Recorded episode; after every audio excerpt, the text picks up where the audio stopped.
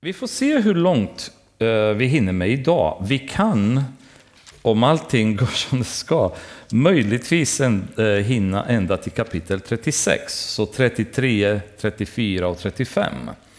Men eh, om inte så kanske kan vi i alla fall ta oss genom 33 och 34. Det är ganska mycket berättande kapitel.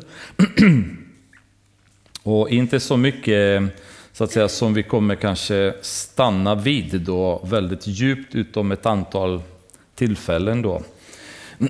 Men där vi befinner oss just nu, det är ju som en liten rekapitulation. Jakob har flytt hemmet för dryga 20 år sedan kan man väl säga, plus minus. Eh, på grund av sin rädsla för att Esau skulle döda honom efter att han hade stulit sin, hans välsignelse och lurat Isak. Och eh, han åkte iväg från Hebron, där ungefär Isak bodde vid det tillfället. Eh, drog eh, en lång resa upp mot Haran. I en bit på vägen i öknen så har han ett möte där han ser änglar stiga ner från himlen och i det mötet med Gud så får han återigen en en bekräftelse på att Abrahams löfte som Gud hade gett kommer gälla även Jakob, det löftet som hade vidarebefordrats sen till Isak.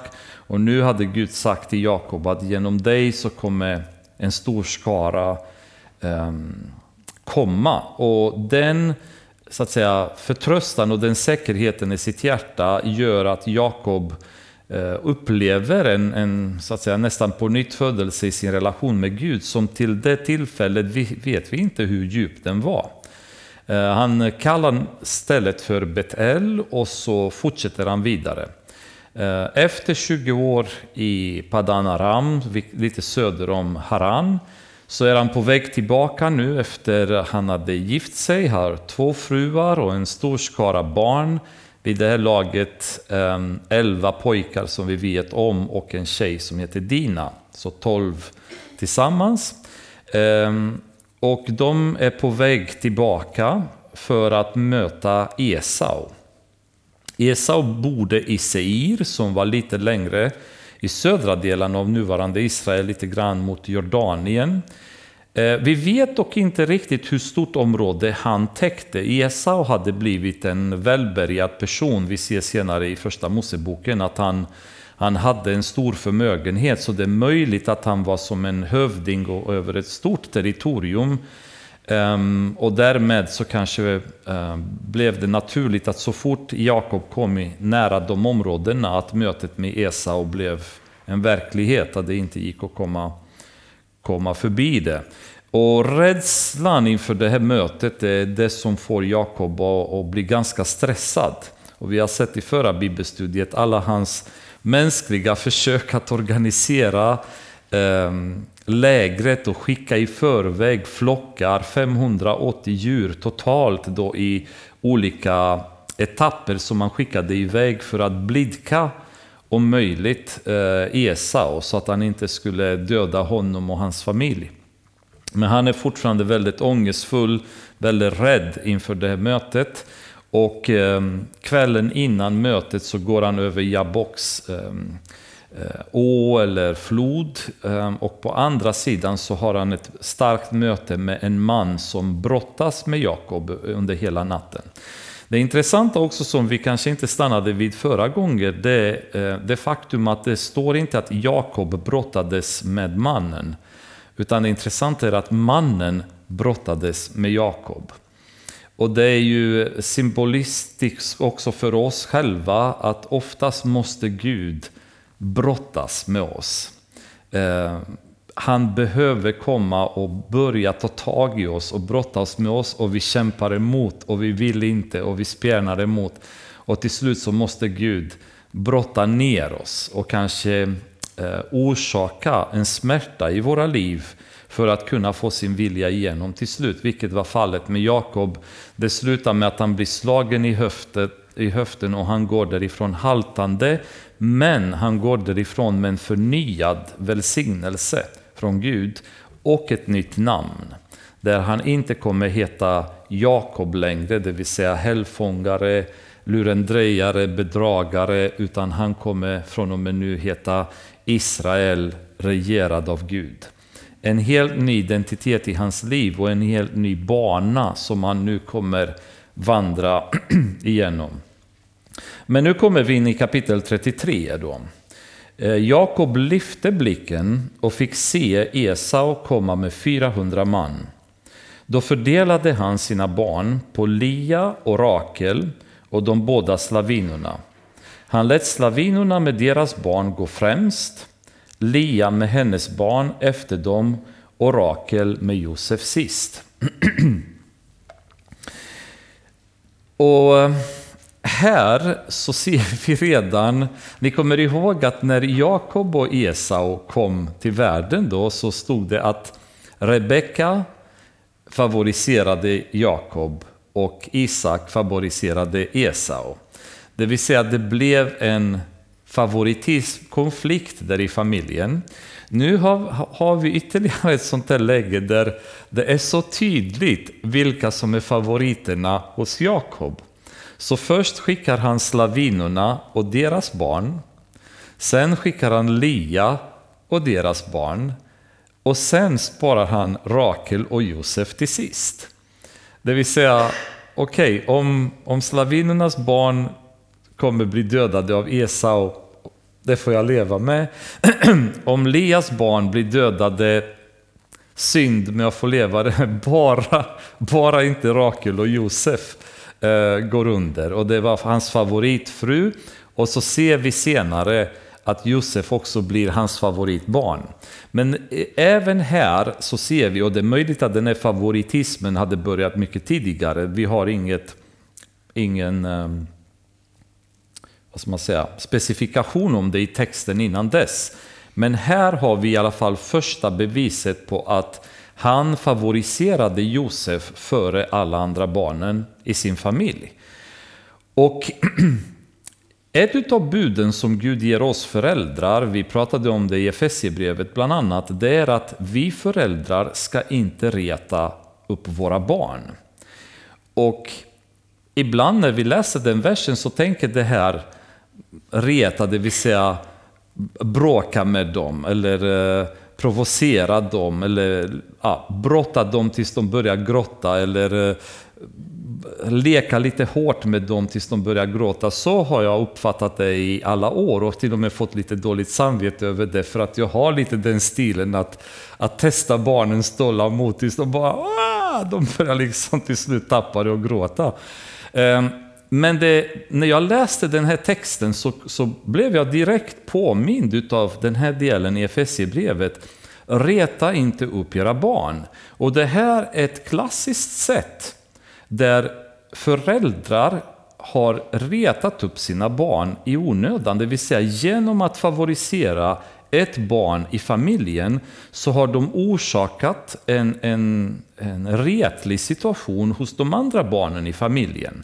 Och man kan säga att vi ska inte vara avundsjuka, vi är uppmanade att inte vara kötsliga i hur vi ser på saker och ting. Så det är ingen ursäkt för barnen att senare ha hatat Josef som de har gjort. Och bestraffa honom också så hårt som de har gjort. Ehm, men det finns en anledning till att det här kan ha skett. Deras hat för Josef kan ha varit eh, så att säga ursprunget från den här favoritismen som Jakob hade gentemot Josef och Rakel versus de andra familjerna, eller de andra barnen i familjen och de andra fruarna. Så det är kanske någonting som föräldrar också bör tänka på att eh, även en sån situation kan ställa våra barn inför svåra eh, sentimentala problem som de kanske även om de kämpar och försöker att hantera kan ha svårigheter att göra det. och ett brott är ett brott, det vill säga om du är avundsjuk eller om du är svartsjuk så är det inte acceptabelt i Guds ögon. Men även i vanliga eh, legislativa arbetet som vi har i landet, alltså sekulära arbetet, om du begår ett brott så kan du få ett mildare straff om det finns så kallade förmildrande omständigheter som har drivit dig till det brottet. Du har varit psykiskt misshandlad så länge så till slut har du inte klarat av att slå ihjäl en person. och då blir inte straffet lika tungt därför att det har funnits någonting som har drivit dig till det brottet. Och det är ju även i det här fallet, alltså vi kan ha en, en barnuppfostran som driver våra barn till att, att göra felaktiga val senare i livet. Och det ursäktar inte deras val, men det blir mycket tuffare för dem att göra rätt om vi inte ger dem förutsättningar som är bra i den uppfostran som vi har gentemot dem.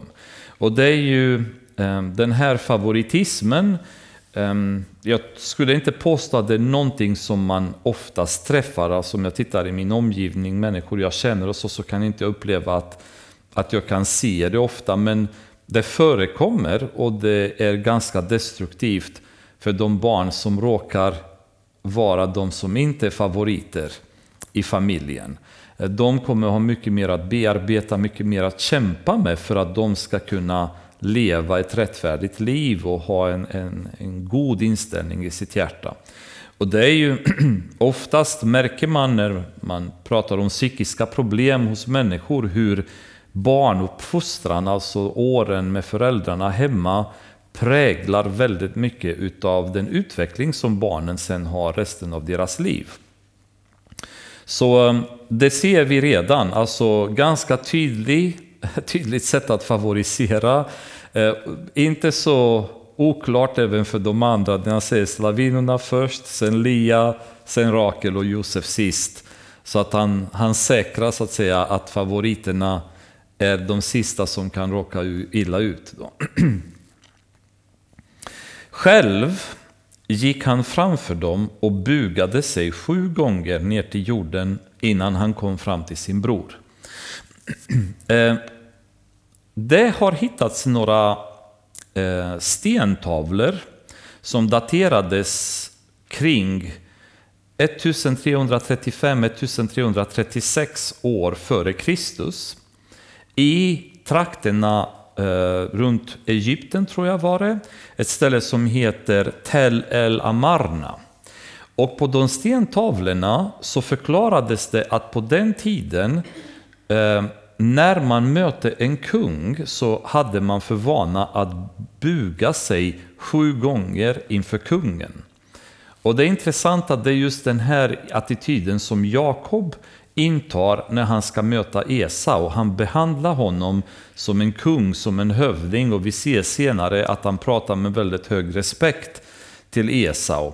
Så han, fast han var ju nu den förstfödde egentligen, Jakob, han hade fött fått välsignelsen som hade tillhört Esau. Gud hade sagt att Esau kommer tjäna Jakob. Så behandlar Jakob honom med väldigt mycket respekt nu när han möter honom. Sen om man gör det med äkta respekt eller om man gör det bara för att blidka honom ännu mer så att han inte blir arg, det vet vi inte. Men respektfullt bemötande kommer han med i alla fall inför Esau. Ehm, det som är däremot väldigt intressant, som jag vill stanna lite kring, det är att Jakob dock går före alla de andra. Så han går inte ihop med Rakel och Josef, utan han går före till och med slavinorna. Det vill säga, han är beredd att ta smällen själv och på så vis helst kanske rädda resten av sin familj, om det så nu skulle krävas. Och det får man ge honom lite beröm för, liksom efter man har kanske gett honom lite kritik för att han favoriserar.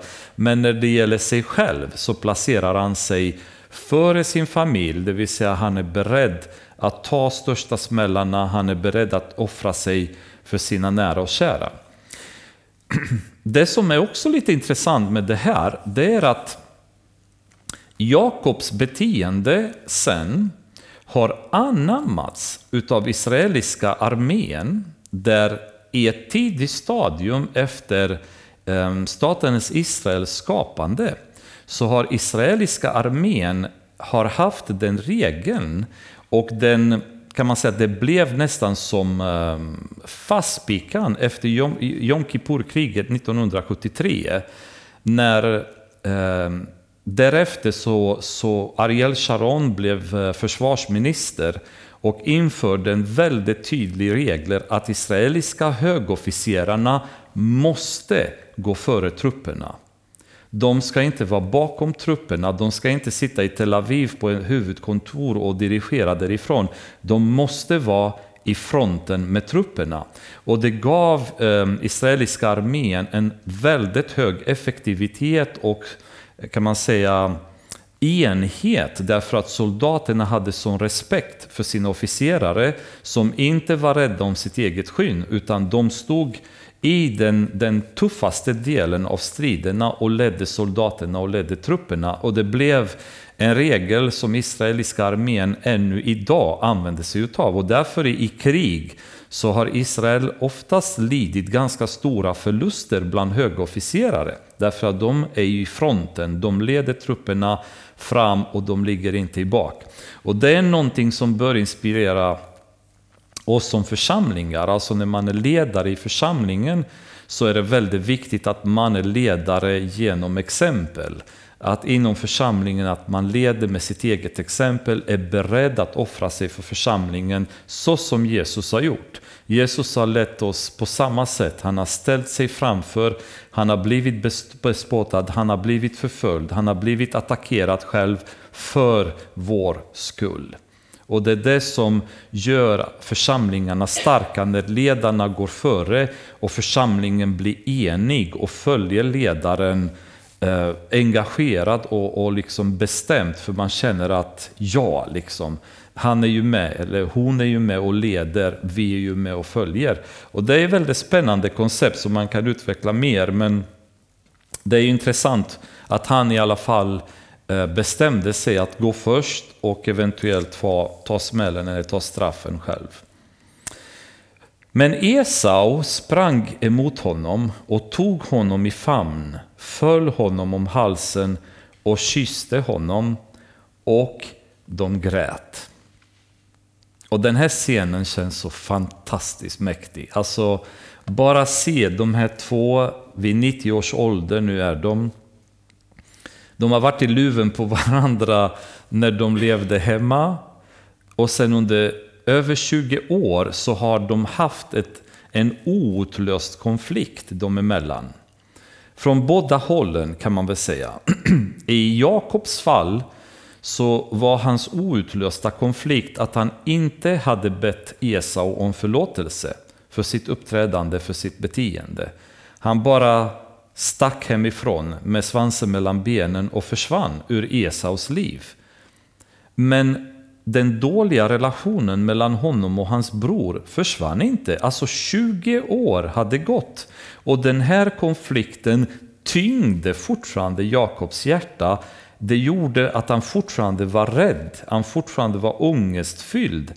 Ehm, trots en konflikt som har uppstått för 20 år sedan. Därför att konflikten inte hade blivit löst. Han hade inte bett Esau om förlåtelse, han hade inte gjort upp med sin bror över sitt beteende. Och ibland så tror vi att konflikter som vi har med varandra, om vi bara låter tiden gå så borde de här konflikterna försvinna. De borde dö, dö ut, men de gör inte det. Konflikterna och, och problemen som vi har med varandra, de försvinner inte om vi inte konfronterar dem, om vi inte tar tag i dem. Och det är... Jag vet även i vår församling, när jag flyttade här till Stöpen från Rumänien, så hörde jag talas om konflikt mellan den och den i församlingen som hade inträffat för länge sedan och de två fortfarande inte riktigt hade så bra med varandra eller ville eh, vara så nära varandra om man säger så. Det finns andra församlingar som outlösta konflikter har lett till splittringar i församlingarna för folk är inte beredda att konfrontera varandra och be varandra om, om förlåtelse när konflikter uppstår. Utan man man står på sina positioner, man vill inte ge efter, man vill låtsas att konflikten kommer försvinna av sig själv och så den, den bördan, den tyngden, det bara fortsätter och trycker på ens hjärta. Och man, man blir handikappad i sitt Eh, agerande, i, eh, i den kallelse man har också från Gud. Det är väldigt svårt att kunna kunna arbeta i församlingen eller vara ett bra verktyg i Guds händer när jag permanent har en konflikt bakom mig som jag släpar på och som tynger mitt hjärta. En person som varenda gång jag ser så måste jag vända blicken för jag klarar inte av att titta på honom eller henne. Det är ju sånt som inte bör finnas i församlingen. I Matteus evangeliet kapitel 5 och så vers 23 och 24 pratar Jesus just om, om de situationerna. Och eh, han är ganska så klar och ganska tydlig kring vad som gäller.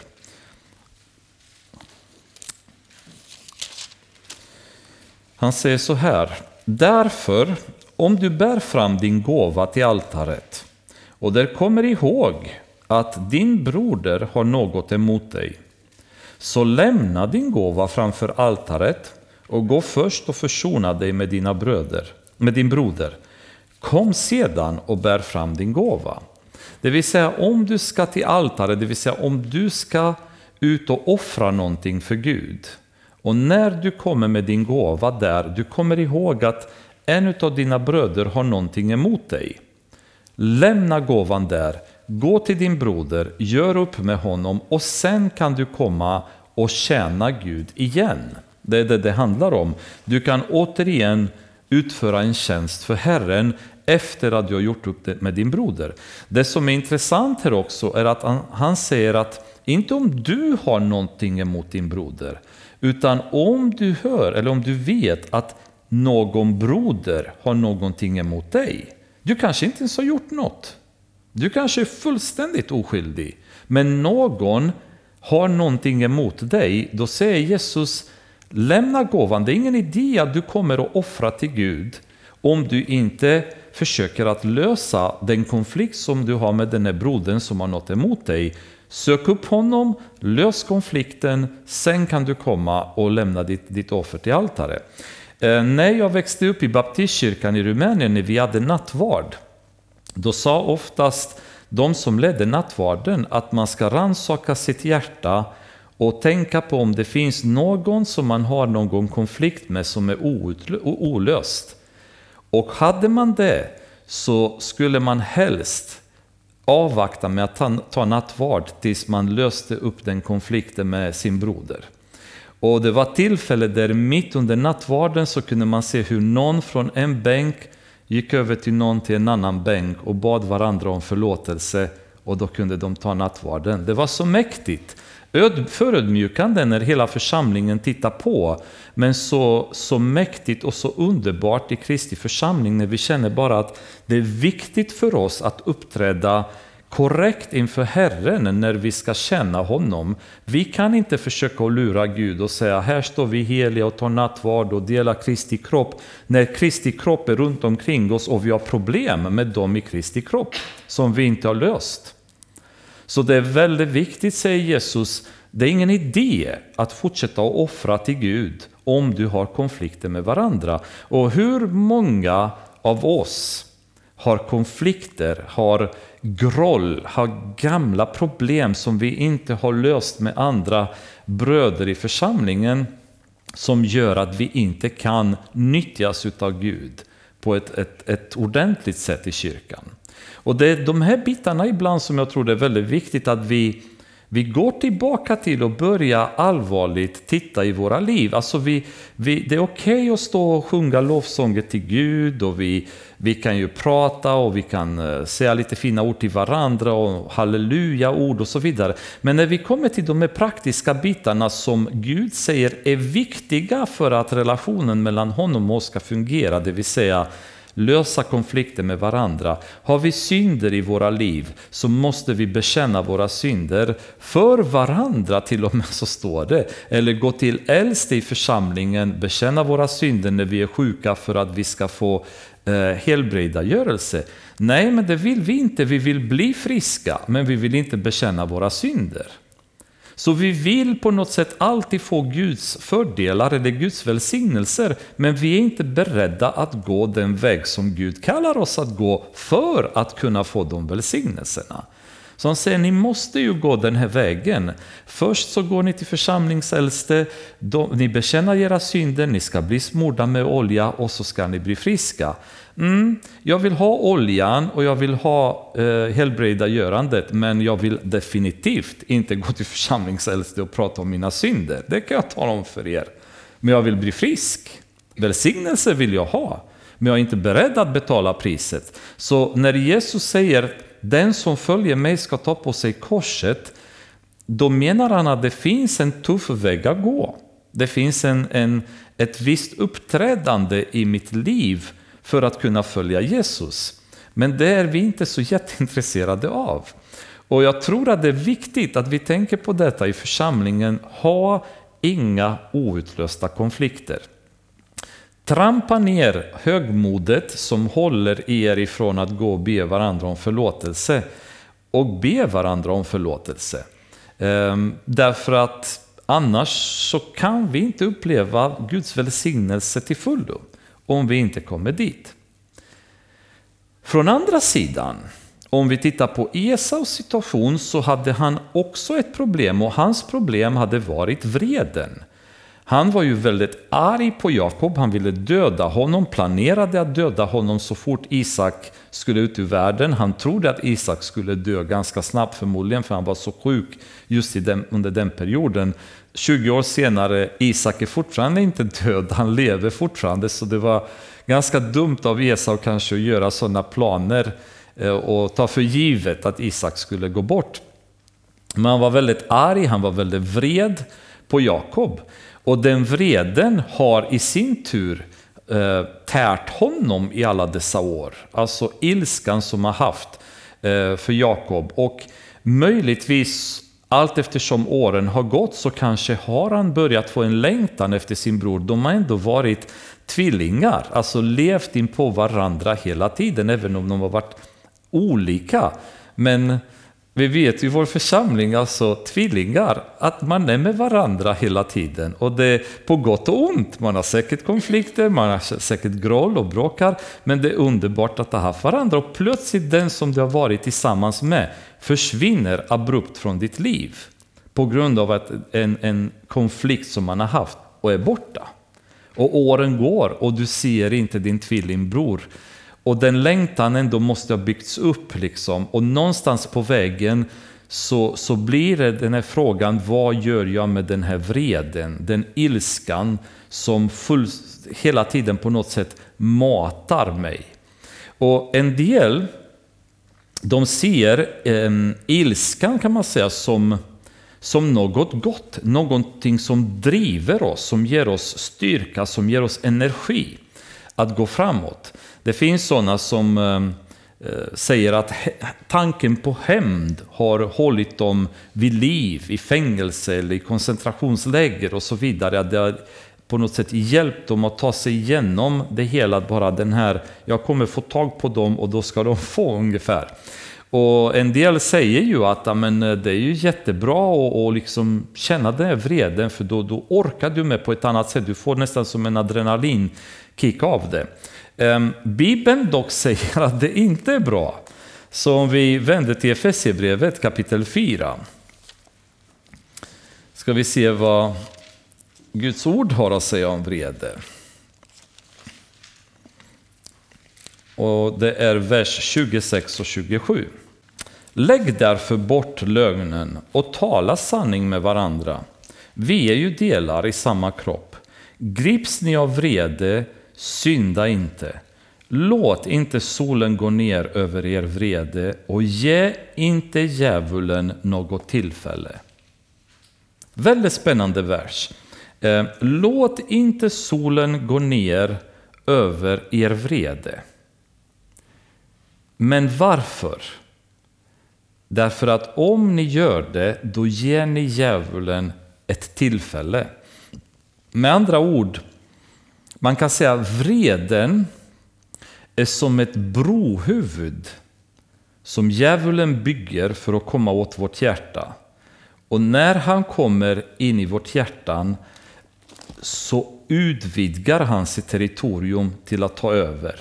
Till att den här vreden tar över så mycket som Jesus säger, som också i Matteus kapitel 5 som vi har precis eh, läst om, men verserna innan, att den som är arg på sin bror, liksom, det är en, det är en allvarlig synd.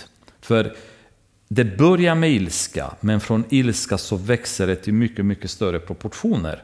Så Satan använder vreden för att bygga ett brohuvud. När brohuvudet är byggt, när han får tillgång till en del av vårt hjärta, då skickar han trupperna och utvidgar det och tar över. Och den här ilskan den bara växer och det, det liksom tar olika former tills det kan ge väldigt otäcka resultat.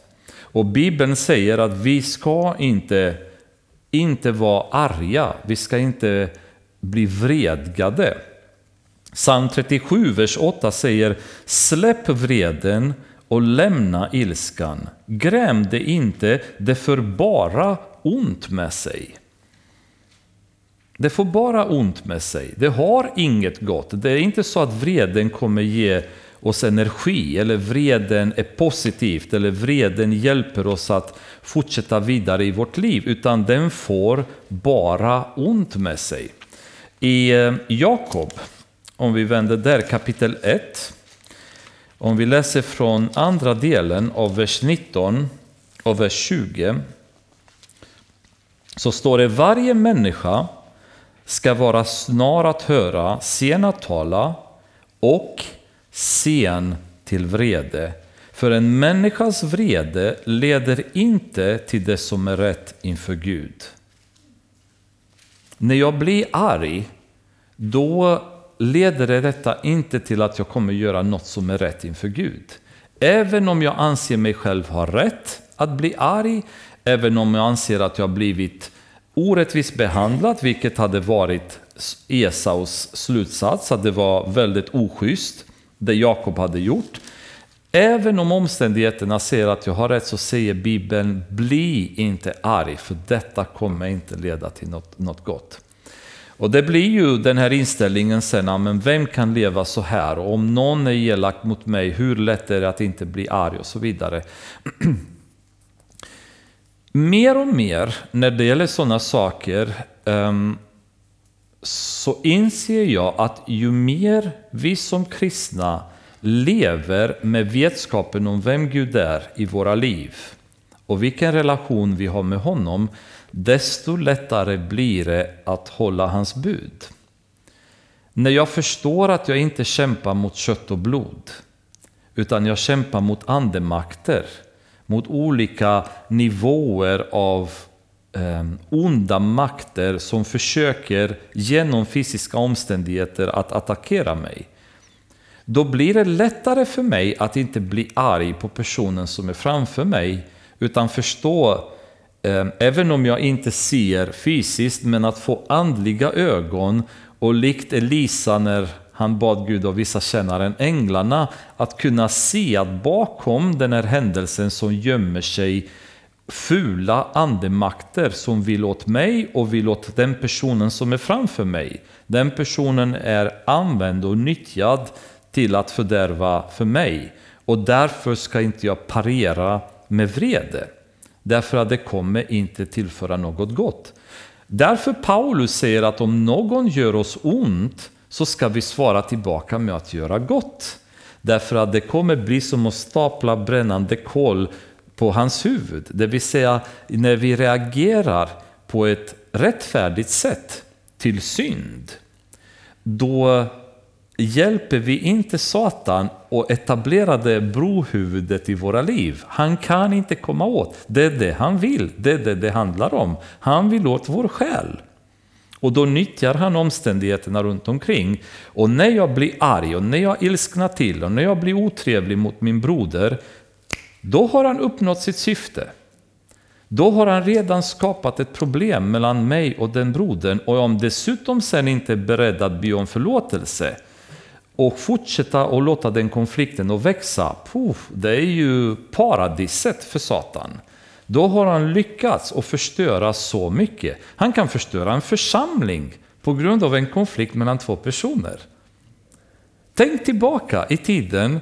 Hur många berättelser har inte ni hört om församlingar i, i Sverige där en konflikt mellan två i äldstekåren eller två personer i församlingen eller två familjer i en församling har resulterat i att hela församlingen har havererat? Är inte det det som Satan så gladeligen vill? Att nyttja varje persons vrede, varje persons oförmåga att lösa konflikter till att förstöra så mycket som möjligt runt omkring. Bara bränna ner allt som går att bränna. Och det är ju det är någonting som vi behöver bli vaksamma kring, inte bara när det gäller vrede, utan generellt i våra liv. Att vi måste förstå att det vi lever här, vårt liv här, är bara en avspegling av det som händer i den andliga världen. Det är konsekvenser av de andliga striderna som försiggår runt omkring oss som vi möter dagligen i det vardagliga livet. Därav vikten av bön, därav vikten av bibelstudium, därav vikten av att lära känna Herren så att vi kommer till en punkt där vi inte agerar kötsligt längre utan vi är kapabla att agera andligt. När Elisa kännare blir arg och skakig, då kan Elisa sitta lugnt.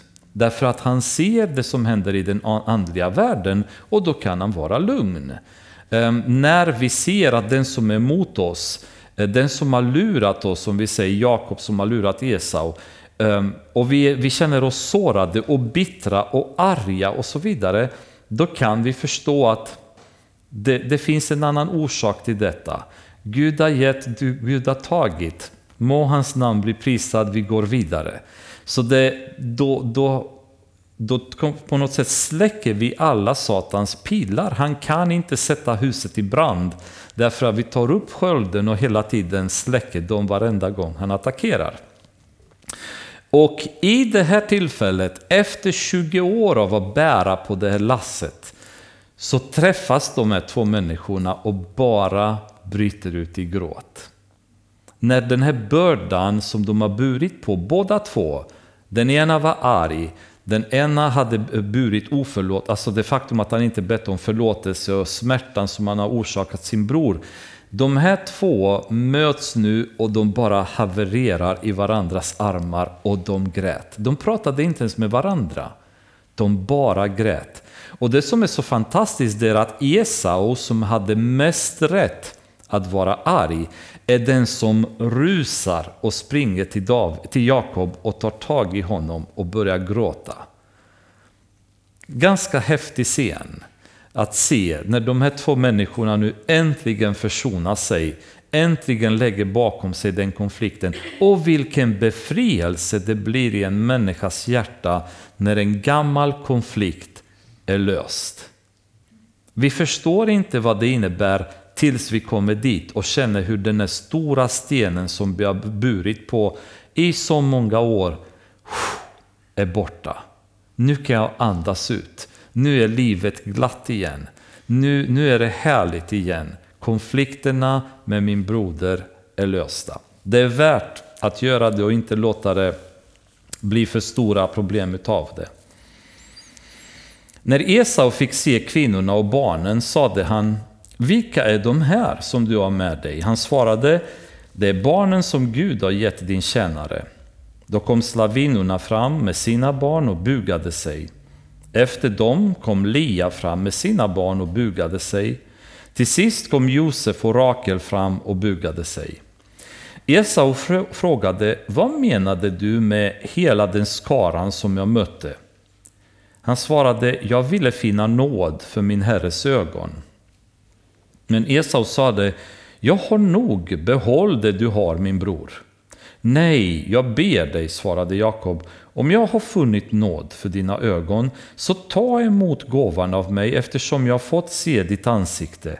Det är som att jag såg Guds eget ansikte när du har emot mig så vänligt. Alltså vilken befrielse för Jakob. Han sa det är som att se Gud när jag ser ditt ansikte så vänligt gentemot mig. Han hade förväntat sig att hans huvud hade åkt av och istället så får han liksom glädjen av att träffa sin bror.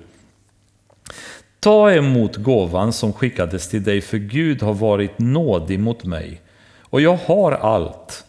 och han bad honom så enträget att Esau tog emot den. Och Esau sade, nu bryter vi upp och drar vidare, jag går framför dig. Men Jakob svarade honom, min herre, se själv att barnen är små och att jag har får och kor med mig som ger di. Om man driver dem för hårt en enda dag så dör hela jorden. Därför ber jag min herre att gå före sin tjänare så kommer jag efter i den takt som boskapen framför mig klarar av och som barnen orkar med tills jag kommer till min herre i Seir. Då sade Esau, låt mig lämna kvar en del av mitt folk hos dig. Men Jakob svarade, varför det? Låt mig bara finna nåd för min herres ögon. Samma dag vände Esau tillbaka och tog vägen till Seir.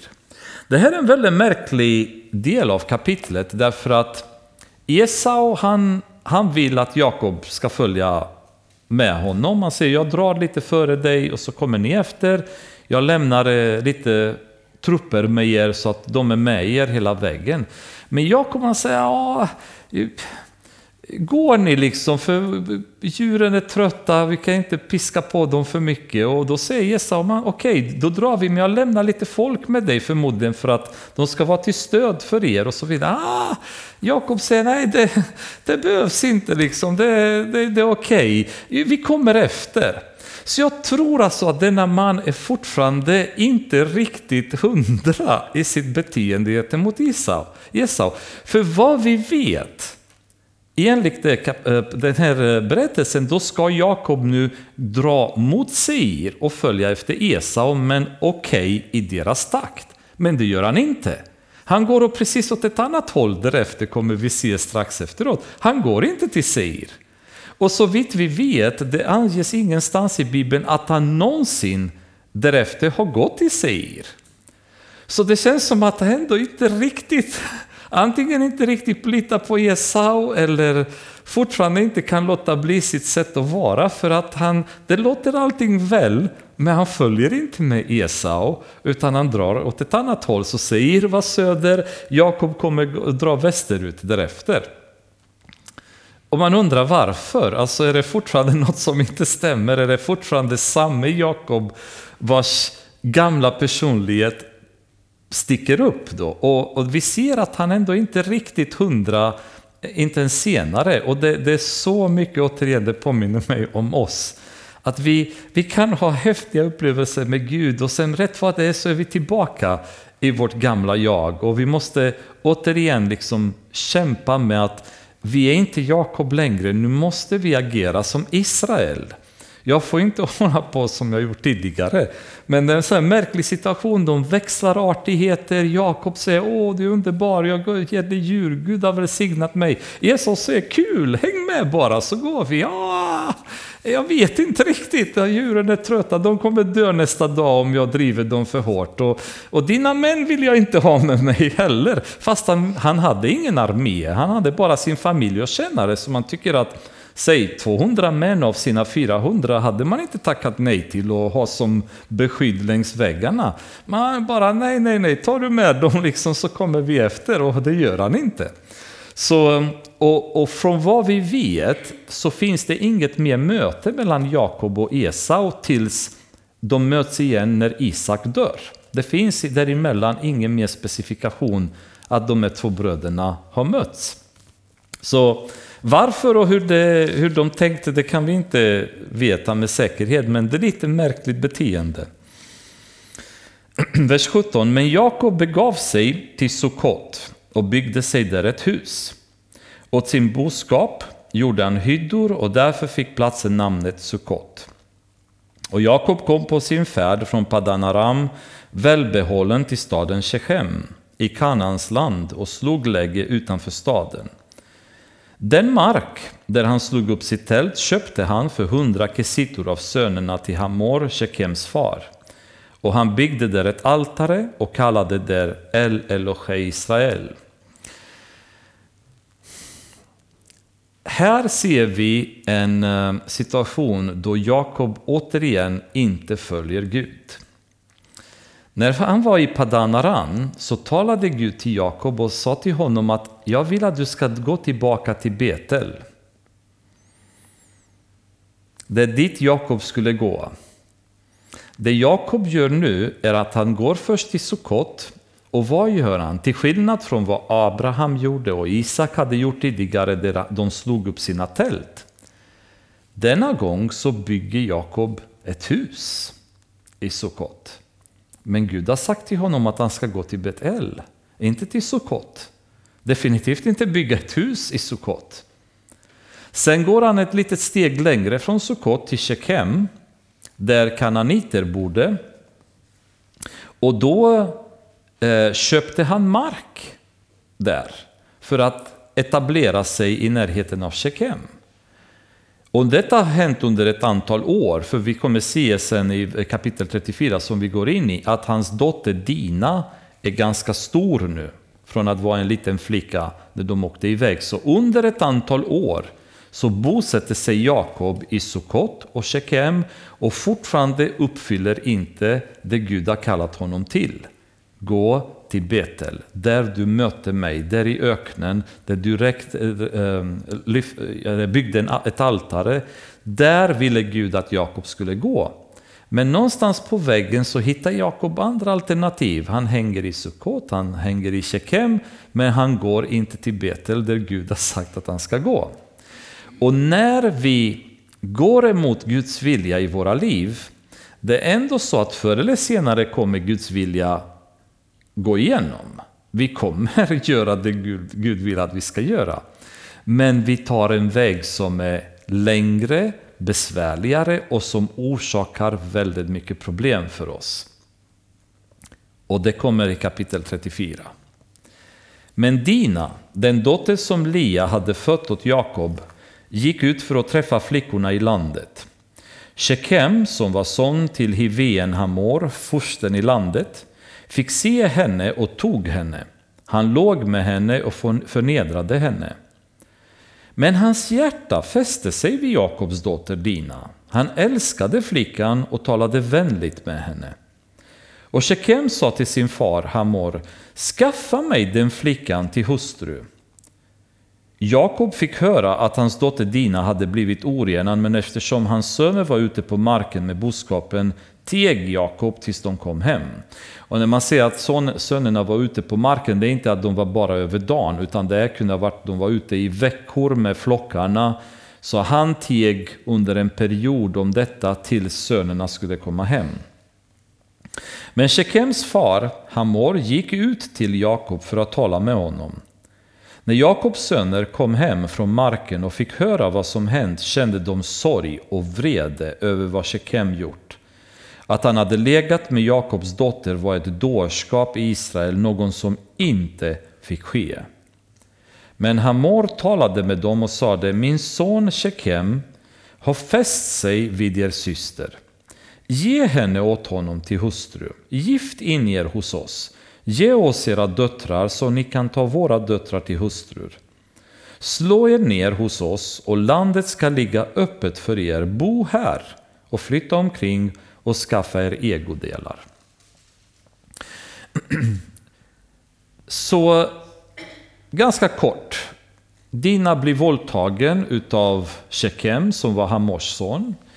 Och Även inom Israel därefter så kommer det lag under Mose att om någon skulle våldta en annan flicka då, då var det ett alternativ att komma undan eventuella problem att gifta sig med den flicka som man våldtagit.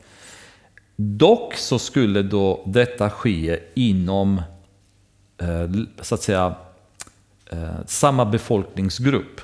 Så det var inte okej okay att gifta sig med någon från en annan nationalitet, utan det skulle vara inom Israel. Det här är mer komplicerat läge därför att den här är en hedning som våldtar Jakobs dotter. Och det var en absolut, får inte hända i deras familj under den tiden. Det såg de allvarligt på. Men då kommer Hamor och säger, låt oss lösa det. Om han gifter sig med flickan, han älskar henne, tycker om henne. Och varför förresten? Varför kommer inte ni och bo bland oss? Vi har land så det räcker. Det finns gott om, eh, om utrymme för er. Ni kan ta våra döttrar, vi kan ta era döttrar och vi kan ha en bra relation med varandra. Fina ord vid första anblicken. Men vad var Guds budskap till Jakob? Du ska gå till Betel. Det är dit han skulle. Och på vägen till att uppfylla Guds plan i våra liv, då kommer vi ibland möta människor ute i världen som kommer att komma med väldigt bra förslag till oss. Som ska vara försonliga, som ska vara trevliga. Arbetskamrater som säger att alltså, du kan ju hänga med oss också på, på en personalfest och du kan också dansa lite och tar du en dricka med oss och inte hela världen. Och vi tycker faktiskt att det är trevligt att prata med dig. Det är roligt att ha med dig med oss och, och det är klart du ska vara med. Varför inte liksom? Du, du är ju välkommen att vara bland oss.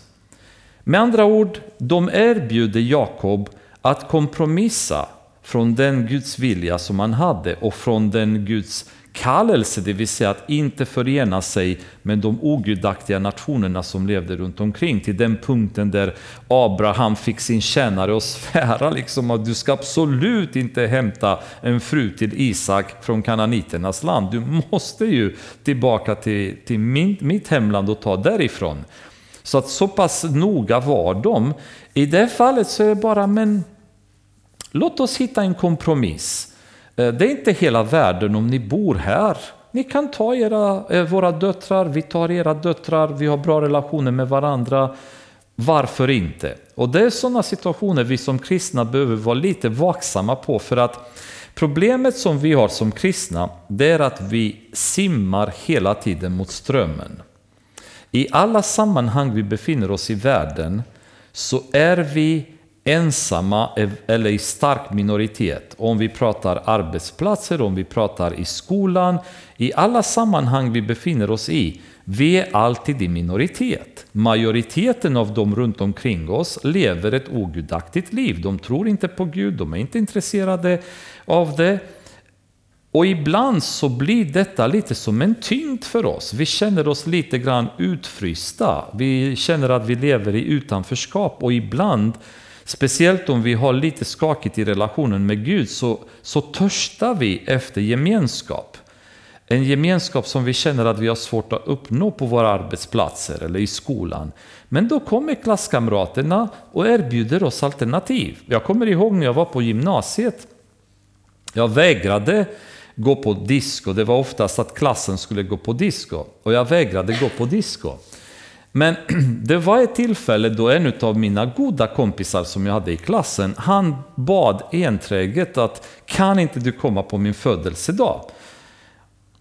Och jag visste oftast att på de här födelsedagarna det kommer spelas lite profan musik och jag var inte intresserad men jag kände att ja, det är en födelsedag jag är ändå, han är god vän till mig, vi spelar mycket fotboll tillsammans, vi hade roligt och så vidare. Det är klart jag ska gå på hans födelsedag. Och Hela tiden så kände jag en, en, ett obehag ändå inför beslutet. Jag kände inte att det var rätt. Men jag gick dit och självklart, det första som hände, boom, liksom musik och de började dansa. Någon av tjejerna i klassen bad mig att komma och dansa med henne och sa tack men nej tack. Då blev hon sur. Och det blev så här, och jag bara satt och tänkte, vad gör jag här? Liksom? Vad gör jag här? Och jag bara sen sa, tackade för mig, sa till honom att jag måste gå, är ledsen att jag behöver dra. De blev lite sura att jag drog. Men det var ett sånt här tillfälle då man, de erbjöd mig en chans att bli en del av dem. Bara jag la ner lite grann en del av mina spärrar så var de beredda att acceptera mig i deras grupp. Men det är inget pris som är värt att betala, därför att det kommer orsaka problem. Och de erbjuder Jakob precis detta. Ta, ta bort en del av dina värderingar, ta bort lite grann av det som du står för. Vi kräver inte så mycket av dig egentligen och vi ger dig väldigt mycket i gengäld. Du får land, vi har gott om, du får bo här bland oss. Men lämna bort en del krav, en del värderingar du har i ditt liv så kan vi leva i fred och ha det bra tillsammans. Väldigt lurigt sätt som Satan använder även med oss, skulle jag nog säga många gånger, så vi bör vara vaksamma på det beteendet.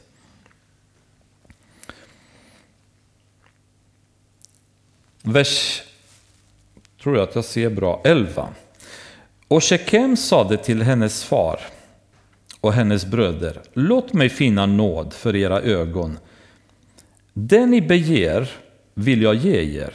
Begär av mig hur stor brudgåva och annan gåva som helst. Jag vill ge vad ni fördrar av mig. Ge mig bara flickan till hustru. Jakobs söner svarade Shekem och hans far Hamor med list eftersom han hade orenat deras syster Dina. De sade till dem, vi kan inte gå med på att ge vår syster åt en man som har förhud. Det skulle vara en skam för oss. Vi kan göra er till viljes bara på det villkoret att ni blir som vi och att alla män bland er låter omskära sig. Då ska vi ge er våra döttrar och ta era döttrar till hustrur. Vi ska bo bland er och bli ett enad, enda folk med er. Men om ni inte lyssnar till oss och inte låter er omskäras kommer vi att ta vår syster och dra bort. Hamor och hans son Shekem tyckte att deras förslag lät bra. Och den unge mannen dröjde inte med att göra som de sade eftersom han var kär i Jakobs dotter. Och han var mer ansedd i sin fars hus än någon annan. Hamor och hans son Shekem gick till stadsporten och talade till männen i staden.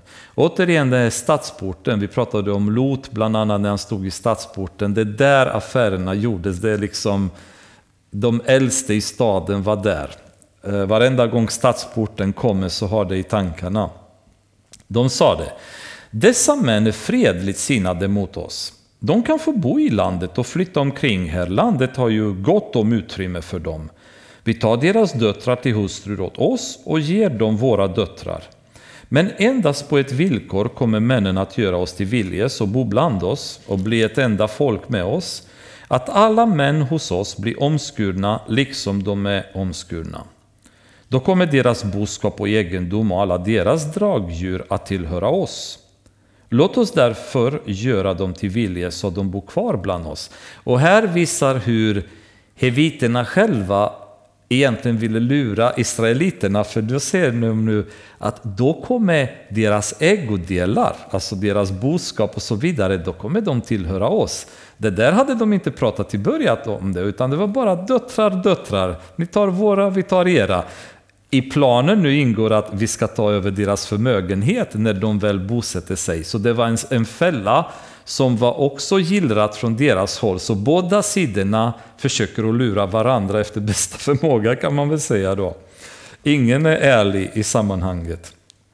Och folket lydde Hamor och hans son Shekem.